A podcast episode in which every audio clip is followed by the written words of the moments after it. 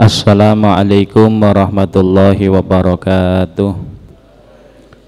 Bismillah, Alhamdulillah, salatu wassalamu ala rasulillah wa ala alihi sahbihi wa mawalah إلى حضرة النبي المصطفى سيدنا مولانا محمد صلى الله عليه وسلم حضرة أبائه وأمهاته وذريته وإخوانه من المسلمين وعلى كل أصحاب كل والتابعين. تابعين لهم بإحسان إلى أرواحه جميع الأولياء الأماء معلم القلوب لا تعلم الحضرة جميع أبائنا خلدنا ومن أمدنا أموال البلدة من المسلم المسلمات والمؤمن خصوصا جميع من تعلم من حضر في هذا المجلس. وإلى حضرة النبي الفاتحة أعوذ بالله من بسم الله الرحمن الرحيم الحمد لله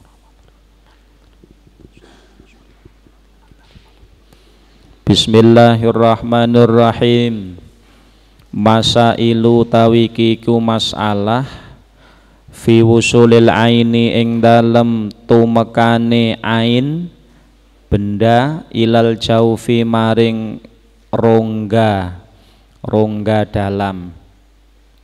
Hukmul ibradi utawi hukume sontek. Tajuzu wenang opo ibroh. Lidorurati krono arai darurat. Walakin ikhtalafu lan tetapine persulayan sopo ulama fi ibtaliha ing dalem oleh batalake ibroh lisaumi marang poso. Persulayan ala thalathati akwalin ing atase telu pira-pira kaul. Fa fi qaulin mongko ing dalem kaul suwiji innaha temen setuhune ibratu. Iku tubtilu batalake apa ibroh ing poso mutlakon kelawan mutlak. Li annaha krana sak temene ibroh iku wasolat tumeka apa ibroh ilal jaufi marang jauf utawa rongga dalam. Wa fi qaulin lan ing dalem kaul kang weneh innaha temen setuhune ibroh iku lan tubtilu ora batalake apa ibroh mutlakon kelawan mutlak.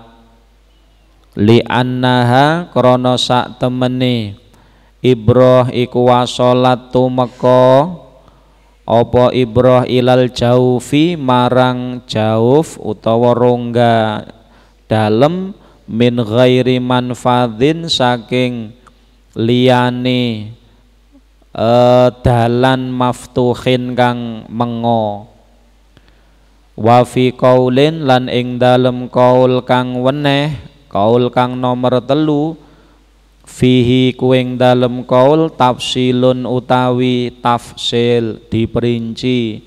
Wa huwa utawi tafsilun iku al asohu kaul kang asoh kang luweh soheh tafsilanipun ing idza kanat ing dalem nalikane ana apa ibroh? Iku mughaddiatan iku mughaddiatan eh dadekake panganan pikuatan atau nyebabake pikuatan menambah nutrisi tilu mongko batal tilu mongko batalake apa? Ibroh as-sauma ing poso. Wa ing kanat lan ing dalem nalikane ana apa? Ibroh. Iku mughad ghaira mughadiyatin ora nambahi stamina. Ora nambahi stamina.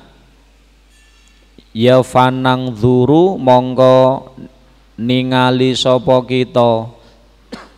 Idza kana ing dalem nalikane ana apa?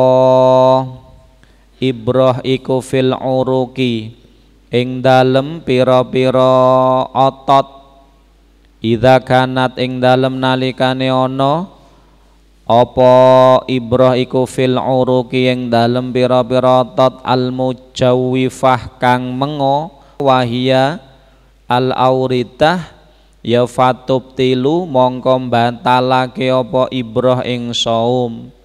Wa idza kana lan ing dalem nalikane ana apa ibrah iku fil adhali ing dalem otot kang ora mengo wahia utawi eh, adol iku al uruku piro-piro otot ghairul mujawifah kang ora mengo fala tubtilu mongko ora batalake apa ibroh ing poso. Mongko ora batalake apa ibroh ing poso. Bismillahirrahmanirrahim. Alhamdulillahi Alamin. Wassalatu wassalamu ala syarafil anbiya wal mursalin. Habibina syafi'ina Muhammadin sallallahu alaihi wasallam Wa ala alihi wa sahbihi wa man tabi'ahum bi ihsanin la yaumiddin. Amma ba'du Fala hawla wa la quwata illa billahil alil adim. Bismillahirrahmanirrahim. Masa ilu fi wusulil ain ilal jauf beberapa masalah sampainya benda kepada jauf atau rongga dalam. Pertama hukmul ibroh. Yang pertama adalah membahas dari hukum sontek jadi pada waktu puasa Bagaimana kalau orang itu sontek Apakah puasanya batal? Lalu kalau orang itu misalkan diimpus Bagaimana hukumnya? Apakah batal? Melakukan sontek itu diperbolehkan Lidoruroti karena dorurat. Artinya bagi orang yang sakit umpama dia tidak membatalkan puasanya dan terpaksa harus suntik di siang hari Ramadan maka boleh boleh suntik ya karena darurat. Meskipun sebenarnya orang yang sakit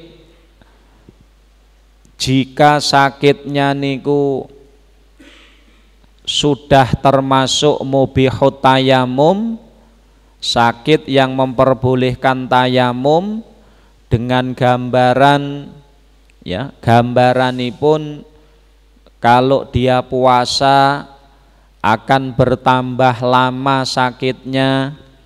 Kalau tak jadi ziat atau ziyadatul marot kalau dia makso puasa malah tambah nemen lorone. Atau ta'akhurus syifa kalau dia puasa akan e, lama sembuhnya gitu.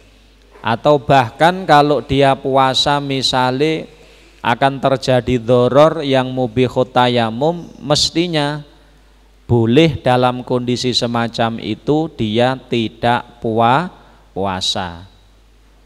Akan tetapi kalau umpama orang yang sakit meskipun menurut informasi dokter kalau dia puasa ini lamanya sembuhnya akan lama. Kok dia tetap memaksa puasa? Juga tidak masalah tidak masalah sehingga kemudian dia melakukan suntik. Suntik ke dokter.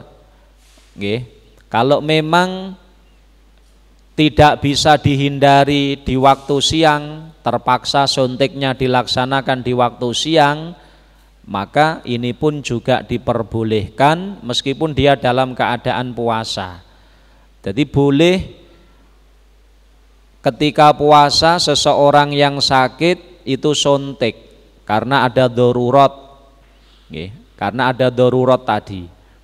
Kemudian permasalahannya adalah walakin ikhtalafu fi ibtaliha lisaum ala thalathati akwal akan tetapi dalam permasalahan batal boten wudhu posonipun itu terjadi perbedaan ulama ada tiga pendapat.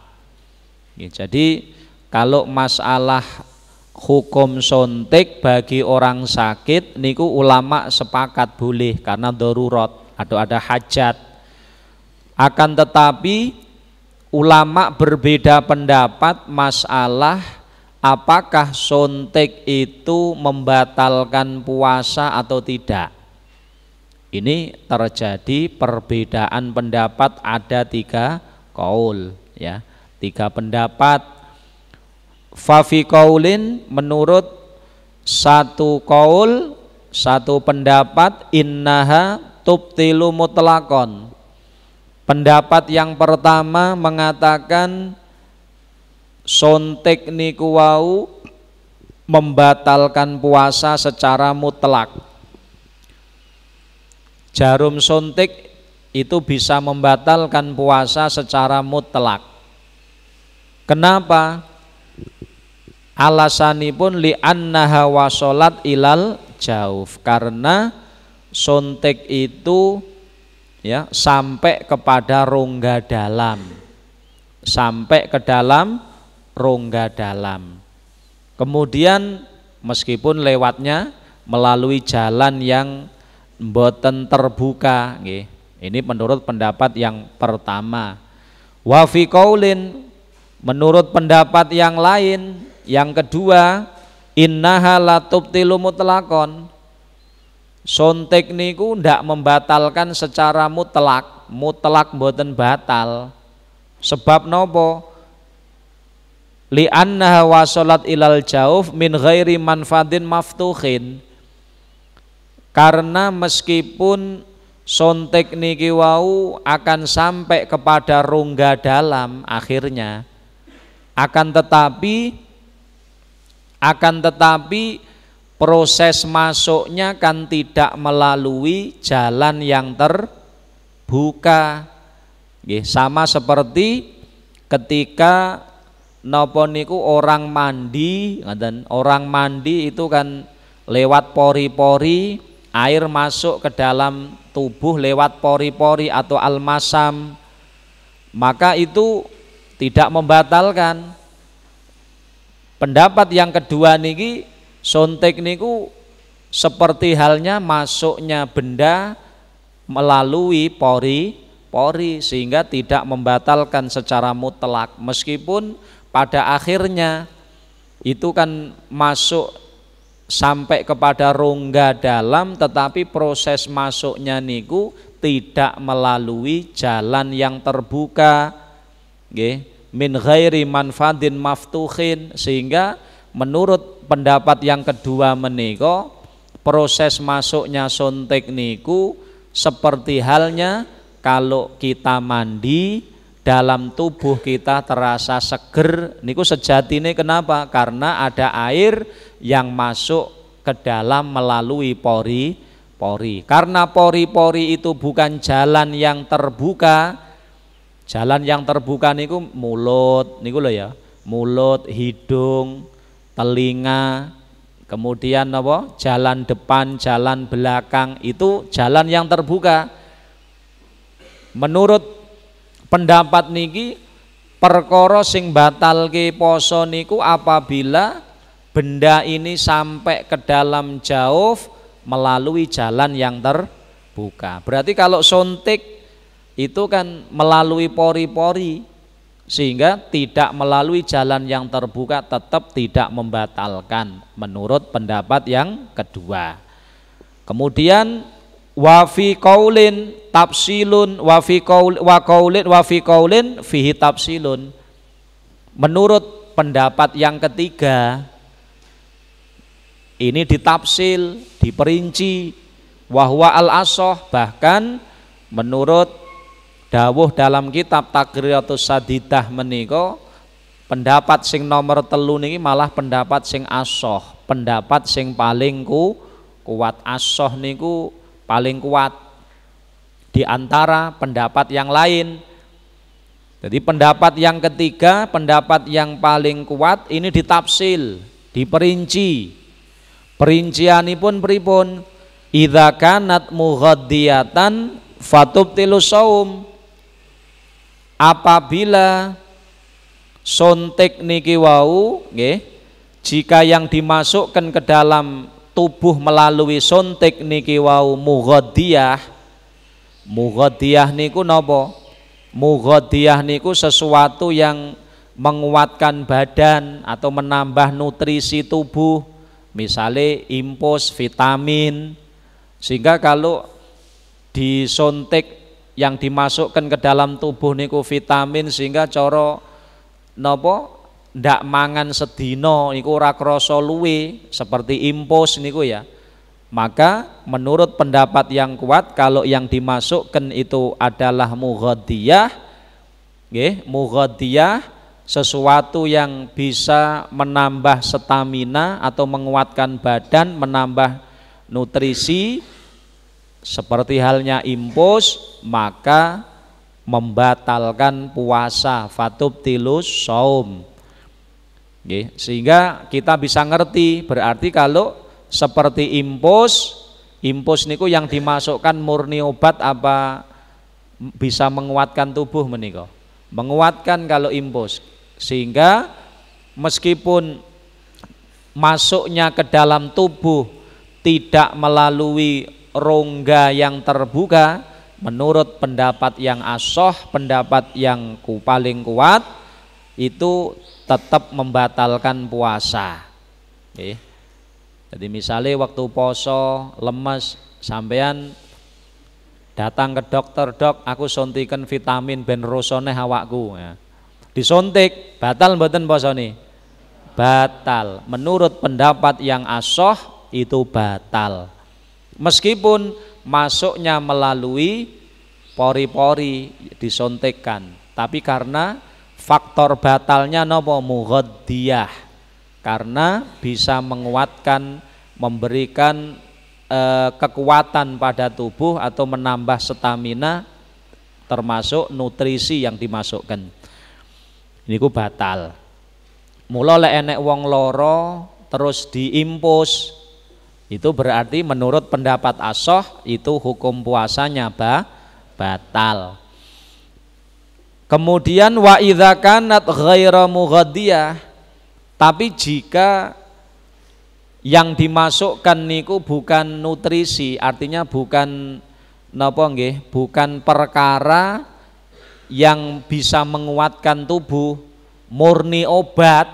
Kalau yang dimasukkan ke dalam tubuh melalui sontek niku jarum jarum niki wau napa jarum suntik niki wau kok perkara sing tidak memberikan kekuatan bahkan hanya murni obat maka ditafsil tafsilannya nopo wa idza kana fil adhal wahya al uruq ghairul mujawwifah fala tubtilu.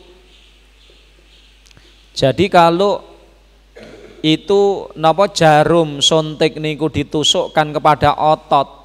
Otot yang tidak terbuka bukan lima jalan yang terbuka niku bukan dari mulut bukan tembus ke mulut bukan tembus ke hidung yang dari jalur hidung telinga jalan depan jalan belakang maka tidak membatalkan puasa. Akan tetapi jika sontek tersebut meskipun hanya nopo obat yang dimasukkan kalau nopo e, dimasukkan ke uruk al mujawifah otot yang terbuka yang terbuka niku yang nyambung sampai kepada rongga maka itu bisa membatalkan puasa. Berarti kesimpulan itu pundi kesimpulan pun dalam permasalahan orang puasa yang sakit itu pertama kalau dia sakit itu boleh sebenarnya dia boleh untuk tidak berpuasa. Kalau memang sakitnya niku termasuk mubihut tayamum sakit yang memperbolehkan tayamum gambarani sakit yang mubihut tayamum niku sing piye? Lorone niku cara dhek ngengkel poso. Kalau dia memaksakan diri tetap berpuasa niki akan ziyadatul marot lorone akan tambah. Kalau tidak tambah atau ta'akhur syifa lorone niku akan napa kesembuhannya akan lama nggih. Atau bahkan akan mencelakakan dirinya sendiri itu dalam kondisi sakit demikian mestinya dia boleh mokel utawa boleh tidak puasa. Akan tetapi misalnya ada orang masih sakit yang demikian kok DWE tetap berpuasa akhirnya dia berobat ke dokter dan harus disuntik misalnya. Maka hukum daripada suntik itu diperbolehkan karena darurat atau hajat niki wau karena sakit. Nah, kemudian permasalahan batal mboteni posonipun maka ditafsil niki wau. Jika isi daripada cairan yang dimasukkan melalui napa jarum suntik niki wau kok iso nguat neneng awak menambah eh, menambah kekuatan tubuh atau ada nutrisi nggih maka puasanya batal. Contohnya nopo? Orang sakit yang diim impus. Berarti nek impus batal. Akan tetapi kalau yang dimasukkan ke dalam tubuh melalui jarum suntik menika bukan mughadiyah artinya murni obat misalnya maka tidak membatalkan. Ini pendapat asoh pendapat yang paling kuat. Namun juga ada dua pendapat lain yang meskipun tidak patek kuat yaitu pertama enek sing ngomong suntik niku mutlak batal tapi yo enek sing ngomong nih mutlak ora batal tapi pendapat yang paling kuat ditafsil eh, antara memberikan kekuatan atau tidaknya kalau wau. Pun niki masalah hukumipun sontek. Kemudian selanjutnya kita akan membahas tentang hukumnya nopo gosok gigi ya. Hukumnya gosok gigi ketika puasa. Gosok gigi eh, nek wong Jawa ngarani napa? sikatan itu adalah bagian dari siwakan. Itu sebenarnya siwakan. Siwakan niku dalam kondisi normal pahalane ageng sangat. Pahalanya besar sekali. Dawe Kanjeng Nabi Muhammad sallallahu alaihi wasallam laula an asyqa ala ummati la amartuhum bisiwak inda kulli salatin. Al hadis au kama Nabi. Kanjeng Nabi dawuh umpomo aku ndak wedi beratne umatku niscaya umatku tak perintah konsiwakan sebelum melakukan so, sholat ketika akan sholat wafiriwayatin ketika akan berwudu. Dan kalau ada orang sebelum sholat kok gelem siwakan niku pahalane gede banget. Rokatani bisiwakin khairun min sab'ina rokatan bi ghairi siwak. Dua rakaat solat yang dilakukan dengan siwakan nggih dengan siwakan niku nilaine luweh apik tinimbangane pitung puluh rakaat tanpa siwak jadi nek sampean solat dua rakaat nggih dengan siwakan niku pahalane nilaine luweh apik tinimbangane pitung puluh rakaat tanpa siwak. Nah, siwakan niku dengan apa? Sing paling apik dengan kayu arok atau kayu siwak, sing paling apik. Nggih. Tapi umpama kayu siwak mboten enten apa kenek liyane kenek, sing penting bikulli khosyanin. Dengan menggunakan setiap perkara yang kasar. Termasuk nopo damel kain damel pipih ya Mula terkadang nek poro santri terkadang lali siwake lali nek ngomah lali ndak digowo kadang siwakane damel serban. Nggih tinggi ngosoki napa? Giginipun nggih ngosoki untune diniati siwakan. Iku kenek punan. Utawa gawe pucuke kelambi terkadang ngoten. Lho iku ketika akan sholat melakukan itu niate siwakan dua rakaat dengan siwakan niku nilai ini luweh apik tinimbangane pitung puluh rakaat tanpa siwak. Mulo penting sangat awak dhewe salat damel siwak. Senajan gawe pipih ya gawe napa nek wong lanang misalnya salat gawe serban nggih sing siwakan pucuke serbani. Nek boten duwe kayu siwak atau kayu arok. Nah saat niki permasalahane Ketika orang puasa, ya, termasuk siwakan niku napa termasuk gosok gigi. Bagaimana hukumnya seorang yang puasa gosok gigi?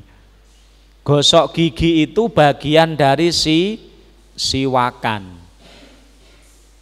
Undang-undange aturane di dalam siwak disebutaken wasunna istiyakun mutlakon walakin kuriha liso imi ba'da zawal.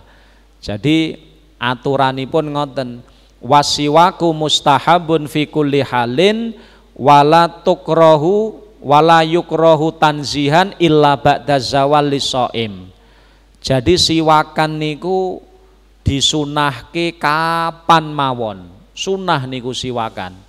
Awan sunah bengi sunah esuk sore Nggih, niku sunnah dalam keadaan apa pun sing apik misalnya kita akan sholat, kita akan baca Quran, kita akan mengaji, gitu. Itu, itu semuanya siwa, sunnah siwakan. Kita akan wudhu, sunnah siwakan. Dalam kondisi apa pun sunnah siwakan. Tapi il napa? Illa imin ba'da zawal kecuali bagi orang yang puasa setelah zuhur. Nah, ini pengecualian nih. Jadi memang hukum asal siwakan itu sunnah kapan mawon kecuali bagi orang yang puasa setelah zu setelah masuknya waktu zuhur setelah zawal niku masuknya waktu zuhur niku boten sunnah siwakan makruh nek siwakan nah sehingga dari sini kita bisa memahami bagaimana hukumnya gosok gigi ketika puasa. Jawabannya bisa sunnah sunnah jika dilakukan sebelum masuknya waktu du, zuhur. Jadi awak dhewe nek poso pagi hari sampai sebelum duhur itu pomo dhewe sikatan niku masih sun sunnah. Baru setelah masuk waktu zuhur nek wis manjing waktu zuhur baru kita tidak disunahkan siwakan. Siwakan hukum mak makruh. Keranten enten hadis la khulufu famis shaim atyabu indallah min rihil misik. Bau mulut orang yang puasa di hadapan Allah menika langkung wangi tinimbangane minyak misik utawa minyak kasturi. Hadis ini mentahsis keumuman daripada eh, kesunahan siwak yang secara umum. Jadi kesunahan siwakan secara umum ditahsis oleh hadis la khulufu famisaim atyabu indallah min rihil misik bau mulut orang yang puasa lebih semerbak daripada minyak kasturi. Nah, kalau urusannya bau mulut, kenapa kok tidak mulai pagi? Karena bau mulut sebab puasa itu mulai nampak setelah zuhur. Berarti nek kawet esu, misalnya jam songo esu, abape kok kotak-kotak. Wah, kuwi bau mulut bukan karena puasa tapi bau mulut mergo habis makan sa sahur. Jadi mau bau mulut sebab puasa itu akan nampak setelah setelah nopo? Setelah zuhur. Niki sing kudu dipahami. Sehingga nggih kalau kita puasa kita siwakan pagi hari. Niku sik sunah. Sampai sing penting dereng mancing waktu zuhur. Cuman yang harus kita perhatikan adalah kalau kita pakai nopo pasta gigi. Kalau kita siwakane pakai nopo meniko kain ndak masalah. Tapi kalau kita siwakane pakai pasta gigi kita harus hati-hati. Ketika pakai pasta gigi ojo akeh-akeh pasta gigi nih dan ketika kita gosok sikatan niku wau nggih pastikan tidak ada pasta gigi yang masih tersisa di sela-sela gigi. Kudu resik tenanan. Kudu resik tenanan. Nggih. Kemudian di napa e, setelah ngoten di kemoni kemudian dilepeh digosok malih sampai kira-kira ain atau pasta gigi itu habis. Nek sampai awake dhewe niku gosok mboten resik, gosok mboten resik ya. Cara sikatan mboten resik ge odole pasta giginya kata ah, lek maringi kata ora ndak resik sehingga akhirnya pasta gigi ada yang menyelinap delik neng sela-sela gigi akhirnya tertelan bersama air liur itu bisa membatalkan puah, puasa. Makanya nek gawe pastagi sing ngati-ngati ya sunnah sebelum sing penting sebelum duhur tapi kudu resik saestu. Bulan baleni ngeten digosok. Dipastikan pasta gigi itu betul-betul ha habis. Insyaallah muga-muga kita sedaya diparingi ilmu sing manfaat. Amin ya rabbal alamin. Allahumma salli ala sayyidina Muhammad wa ala ali sayyidina Muhammad. Alhamdulillahi rabbil alamin. Allahumma barik lana fi hayatina Allahumma barik lana fi arzakina Allahumma barik lana fi ulumina Allahumma barik lana fi dhurriyatina wa ahlina wa talamidina zawjatina auladina Allahumma rizukna ilman nafi amalan salihan makbulah Rabbana atina fid dunya hasanah wa fil akhirati hasanah wa qina azaban nar. Allahumma khtim lana bi husnil khatimah na'udzubika min su'iha. Sallallahu ala sayyidina Muhammadin wa ala alihi sahbihi wasallam Alhamdulillahi Rabbil Alamin. Katen kirang langkungipun nyun pangapunten. Assalamualaikum warahmatullahi wabarakatuh